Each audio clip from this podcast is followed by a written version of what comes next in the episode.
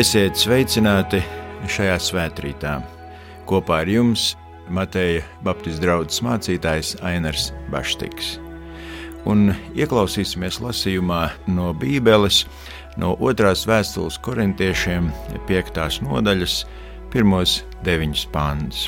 Vēstule korintiešiem, 5. nodaļa, pirmie deviņi panti. Mēs zinām, ka Kad mūsu laicīgais telts mājoklis būs nojaukts, tad mums ir ēka no dieva, mājoklis, kas nav cilvēku rokām taisīts, bet mūžīgs debesīs. Šeit mēs nopūšamies, ilgodamies būt ietērptiem savā mājoklī, kas ir no debesīm. Tiešām, ja būsim ietērpti, tad nebūsim kaili.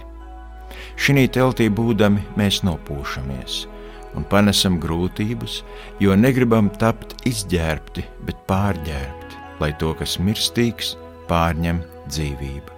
Bet Dievs ir tas, kas mūs tam sagatavojas. Viņš arī mums devis garu par ķīlu. Tāpēc mēs ar vienu turam drošu prātu un zinām, kamēr mājojam miesā, mēs esam svešumā, tālu no tā kunga, jo mēs dzīvojam ticībā, neskatīšanā Mēs turam drošu prātu un gribam labāk atstāt miesas mājokli un būt mājās pie sava kunga. Tāpēc, vai pie tā kunga mājās būdami, vai vēl svešumā, mēs cenšamies, lai būtu viņam patīkami. Āmen! Tas ir Dieva vārds.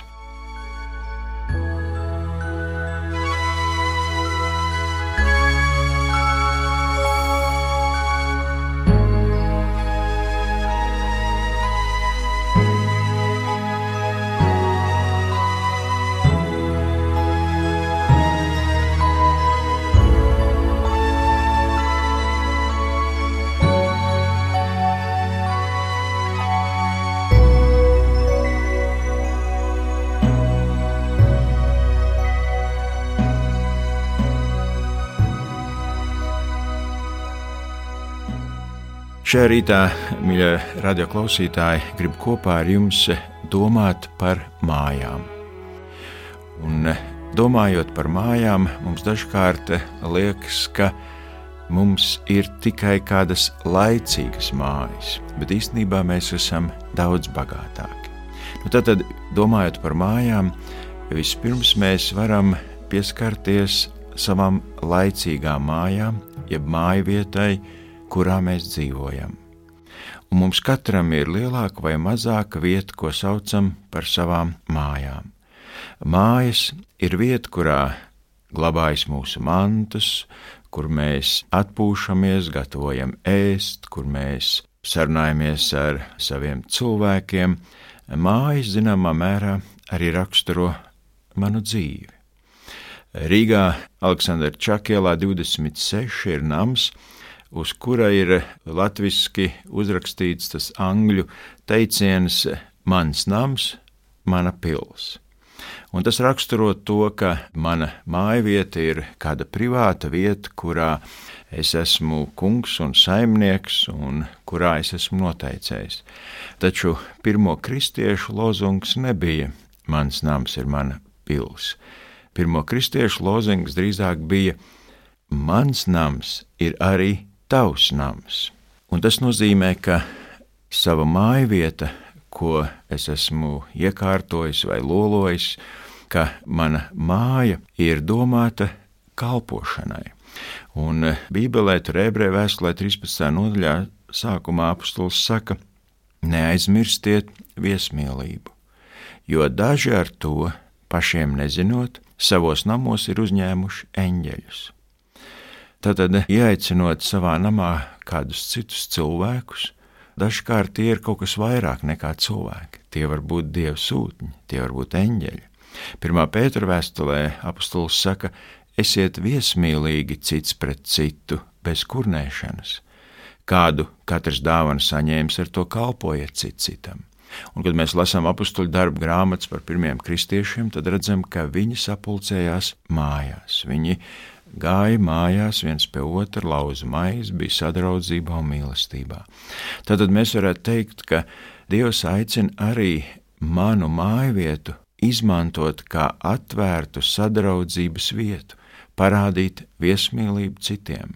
Un Bībeles princips ir aicināt pie sevis ciemos.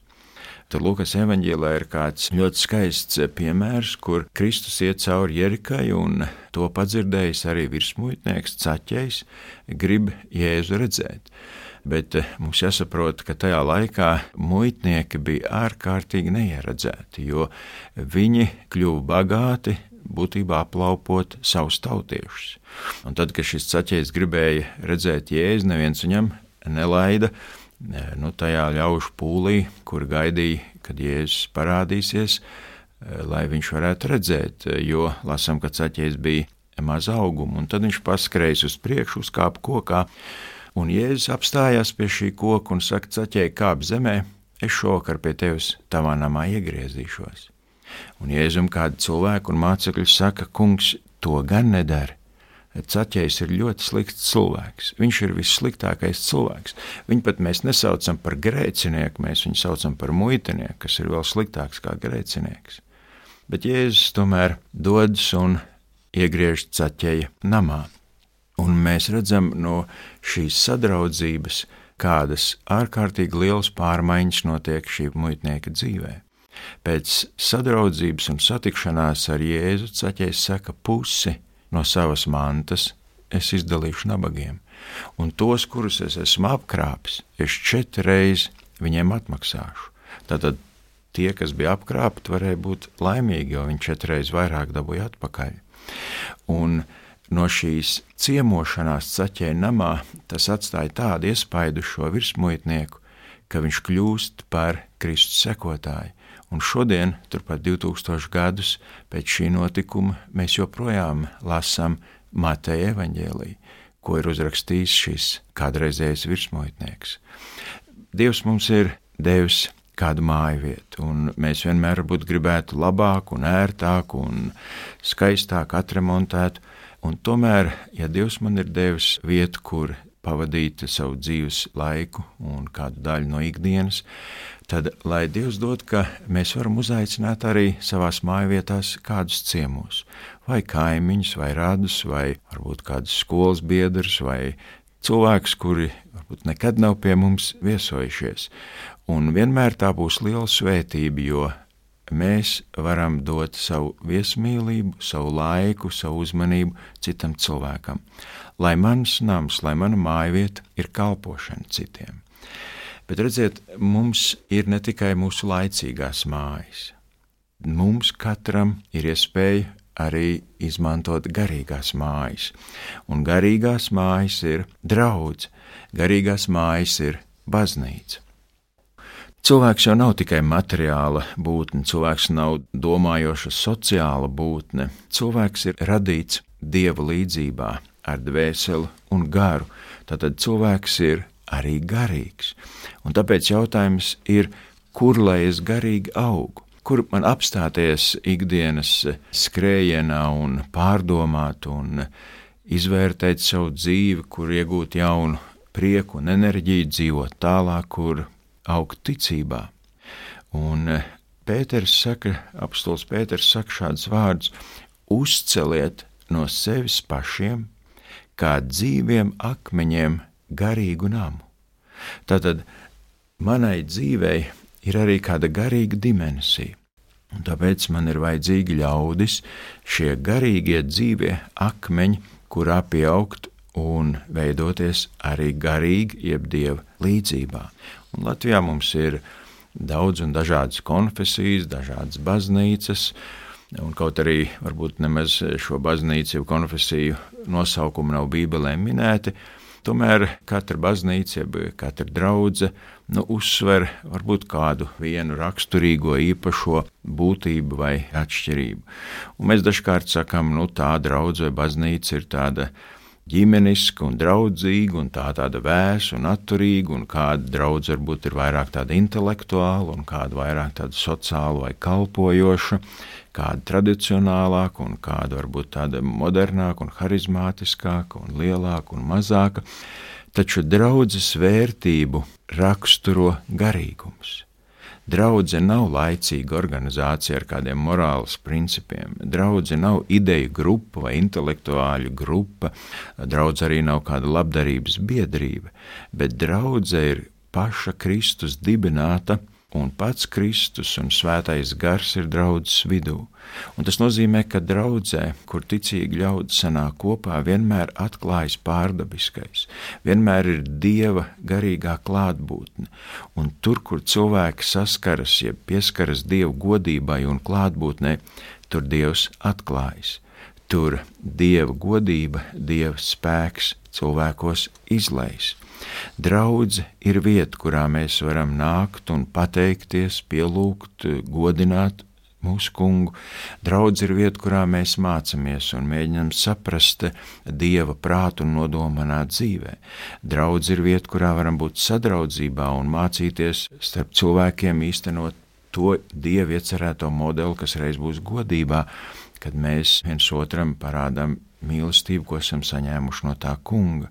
Draudz ir vieta, kurā mēs mācāmies kalpot ar savām dāvanām un spējām, ko Dievs mums ir devis. Draudzē mēs arī mācāmies cilvēkus aicināt pie Kristus un kļūt par Dieva bērniem. Draudze, ja baznīca nav viesnīca, kurā uzturamies reti, un draudz nav viesnīca, kurā taču mums nekas nepieder, bet draudze ir manas mājas, manas garīgās mājas, mana miera osta, mans spēka avots. Un tāpēc eh, padomāsim par to draugu, jeb to baznīcu, kurā reiz ir gājuši mūsu vecāki vai vecvecāki, kuras esmu kristīts, kuras esmu laulāts vai kādreiz iegriezies, un nepametīsim šo brīnišķīgo iespēju savas garīgās mājas apmeklēt un garīgi pieaugt. Tad mums ir laicīgās mājas, mums ir garīgās mājas, bet Bībele runā par vēl kādām mājām. Un tās ir mūžīgās mājas, debesis. Tas nozīmē to, ka mūsu dzīve nebeidzas kapsētā. Mūsu dzīves mājas nav mūža mājas kapsētā, bet gan debesīs. Tas nozīmē, ka tās viskaistākās, vislabākās, mūžīgās mājas ko pats Dievs mums ir gatavojis, vēl tikai būs. Un vēstulē Filipiešiem jau apstulis saka, mūsu piederība ir debesis. Mūsu piederība ir debesis. Un mēs jau lasījām šajā otrā korintiešu vēstulē sākumā, ka mēs zinām, kad mūsu laicīgais telts mājoklis būs nojaukts, tad mums ir ēka no Dieva. Mājoklis, kas nav cilvēku rokām taisīts, bet mūžīgs debesīs. Redziet, dzīve salīdzinot ar mūžību, jau ir tikai īs mirklis, vēja pūsma. Dzīve šeit ir tikai pagaidu vieta, un tāpēc Bībele saka, ka šeit es esmu svešinieks virs zemes, jo mūsu piederība ir debesis. Tas nozīmē, ka mēs dzīvojam kādu mazu mirkli šajā pasaulē, un tāpēc mums ir jābūt uzmanīgiem, ka neesam pārāk aizrāvušies ar laicīgām mājām un atstājuši novārtā mūžīgās mājas. Vai mēs dažkārt neesam pasauli samainījuši pret debesīm? Klajs Teiks Luīs kādreiz sacījis, ka viss, kas nav mūžīgs, ir nevērts. Pasaule saka, ka tavas dzīves veiksme ir atkarīga no tā, cik daudz tev ir redzamā, cik daudz tev ir taustāmā, materiālā, laicīgā. Taču Bībele saka, ka dzīves laime ir atkarīga no tā, cik daudz tev ir ticība neredzamajam. Un Pāvils jau saka, mēs neņemam vērā to, kas ir redzams, bet to, kas nav redzams. Jo redzamais ir laicīgs, bet neredzamais mūžīgs. Un jo vairāk mēs piedaram Dievam, jo vairāk mūsu dzīvē ir mūžības, un mazāk nīcība.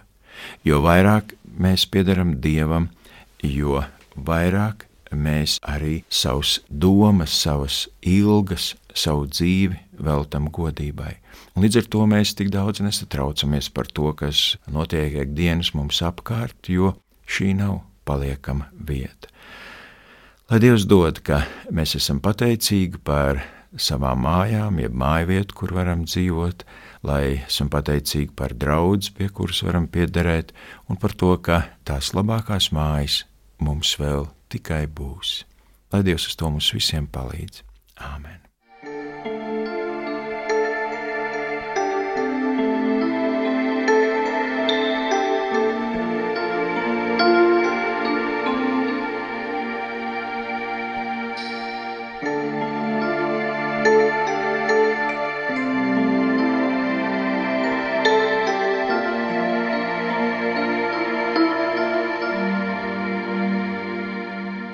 Ielūksim Dievu.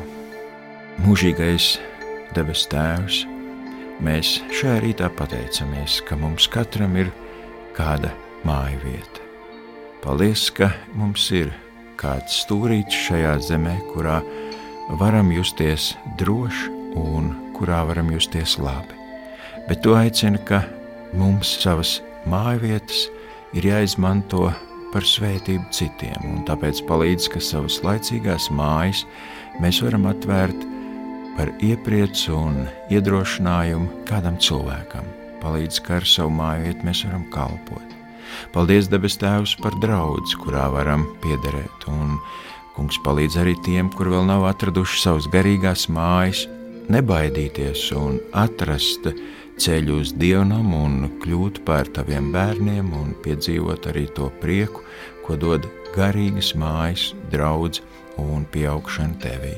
Bet paldies Dievs, ka mūsu dzīve nebeidzas kapsētā, bet ka tā reiz turpināsies godībā un mūžībā tajās mājās, ko tu mums katram esi sagatavojis. Un tāpēc, kungs, dod, ka caur Jēzu Kristu mēs varam savus grēkus nožēlot, kļūt par taviem bērniem un saņemt šo drošību un prieku, ka mūsu piederība ir debesīs. Uz to palīdz varenais Dievs. Un arī kopīgi, lai nobeidzam šo svētbrīdi, tā lūdzot, kā Jēzus Kristus ir mācījis, tā sacīdami: Mūsu Tēvs debesīs, svētīts lai top tavs vārds, lai nāk tava valstība, tavs prāts, lai notiek kā debesīs, tā arī virs zemes Mūsu dienascho maizi dod mums šodien, un piedod mums mūsu parādus, kā arī mēs piedodam saviem parādniekiem. Un neieved mūsu kārdināšanā, bet atpestī mūs no ļauna, jo tev pieder valstība, spēks un gods mūžīgi mūžos. Āmen! Tas kungs Dievs, lai tevi svētī un pasargā. Āmen!